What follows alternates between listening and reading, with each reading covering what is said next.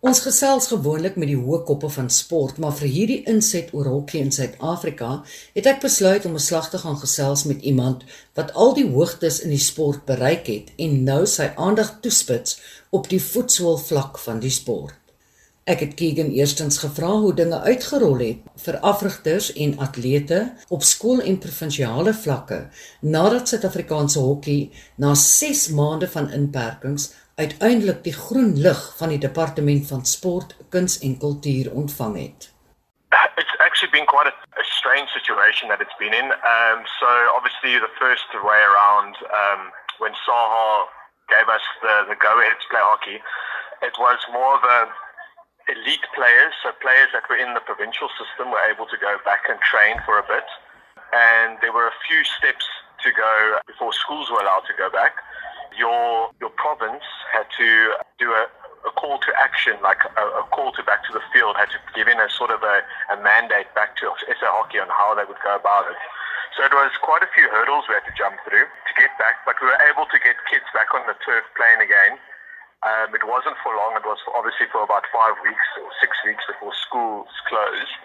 But at least it was quite nice to get back onto the turf and especially to allow kids to, to get some movement again. Um, which a lot of them seem to be desperate for, but also a lot of them felt a bit strange because the whole environment was very different um, with the current protocols for COVID.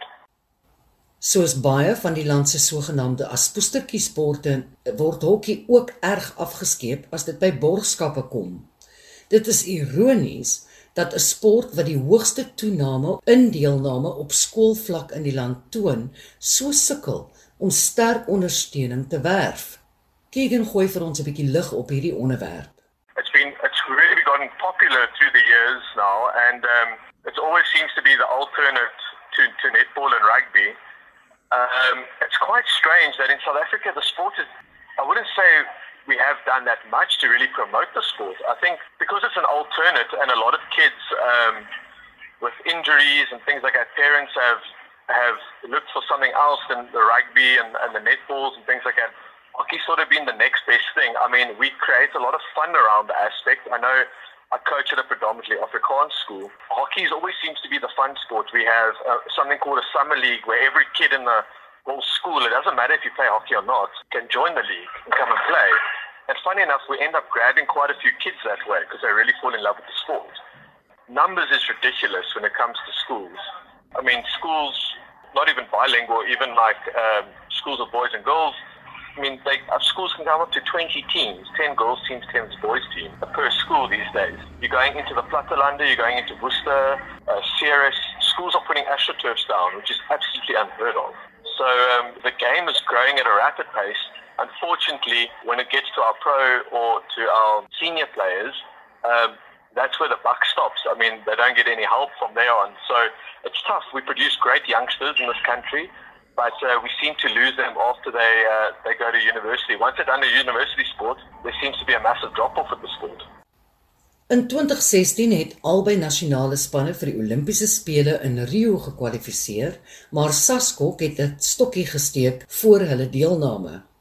Die land se nasionale mans en vroue spanne het weer eens gekwalifiseer vir die wêreldkampioenskappe en die Olimpiese spele in 2021. Die spanne gaan sowat 15 miljoen rand benodig om Suid-Afrika by hierdie twee byeenkomste te verteenwoordig en Hokkie Suid-Afrika skarrel om die fondse bymekaar te trek. Maar intussen gaan die uittog van die land se toptalent steeds voort. Kreur wat ook Protea vroue spelers afgerig het, meen dat die volgehoue gebrek aan borgskap en ondersteuning van die Suid-Afrikaanse besigheidsindustrie oor die laaste klompie jare daarvoor verantwoordelik is dat die land se mees talentvolle atlete en afrigters groener weivelde gaan soek. It's extremely sad. Um, you know, we've got some great hockey pros in this country. When I say pros, I mean playing at the top level. Unfortunately, they need to make a living as well.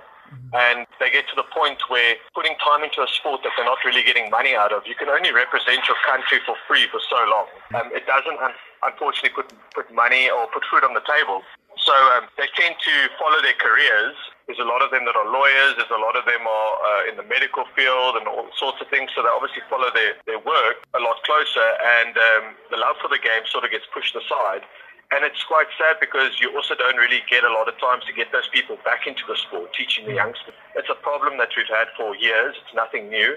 It's also a problem that just seems to fall on deaf ears because you can talk about it as much as you want. You can bring it to the relative bodies, but uh, not much really gets, you know, really gets done after that. It's just uh, there's always an excuse. There's always a way to brush things off. But then you have sports, obviously, as we know, like your your cricket, your rugby, that uh, constantly get funding, even when they're in an absolute mess as they are right now.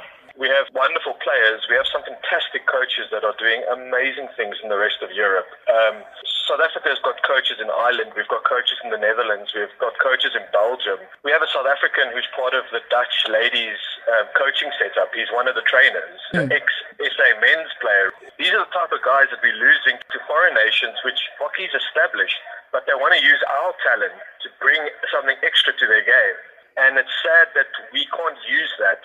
Well, we're not giving a platform for these coaches and these players to, to do that here in this country because it's just not financially, unfortunately, feasible for them.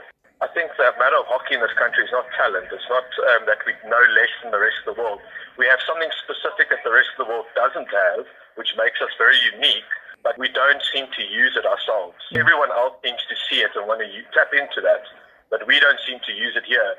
And it is very political, unfortunately. A lot of people feel that they just can't get chances here due to political um, influences and that, so they do end up going overseas. That's so um, true for many sports, Keegan. It's, it, it really is the sad story of South African sport. We've seen that obviously in every sport, cricket, rugby. That's not just a hockey thing. That's mm. all over the world. I mean, we've seen it even in netball. We've seen South African players play for South Africa and end up playing for another country. Um, so these things happen often. These things are still rife. It's still a big problem. The thing is, we say it's going to take a long time, but also we don't see any forward. We don't see any change. Yes. We just keep on saying it's going to take a long time to change, but there's never really change. Thank you very much for taking time to talk to us. Please continue to do the good things you are doing. And most importantly, keep on motivating those youngsters. We need that talent to come through the ranks. Thank you very much. Thanks for having me, and it was awesome chatting about the sport that uh, we all love and we all like to be involved in. Lali Stander vir RSG Sport.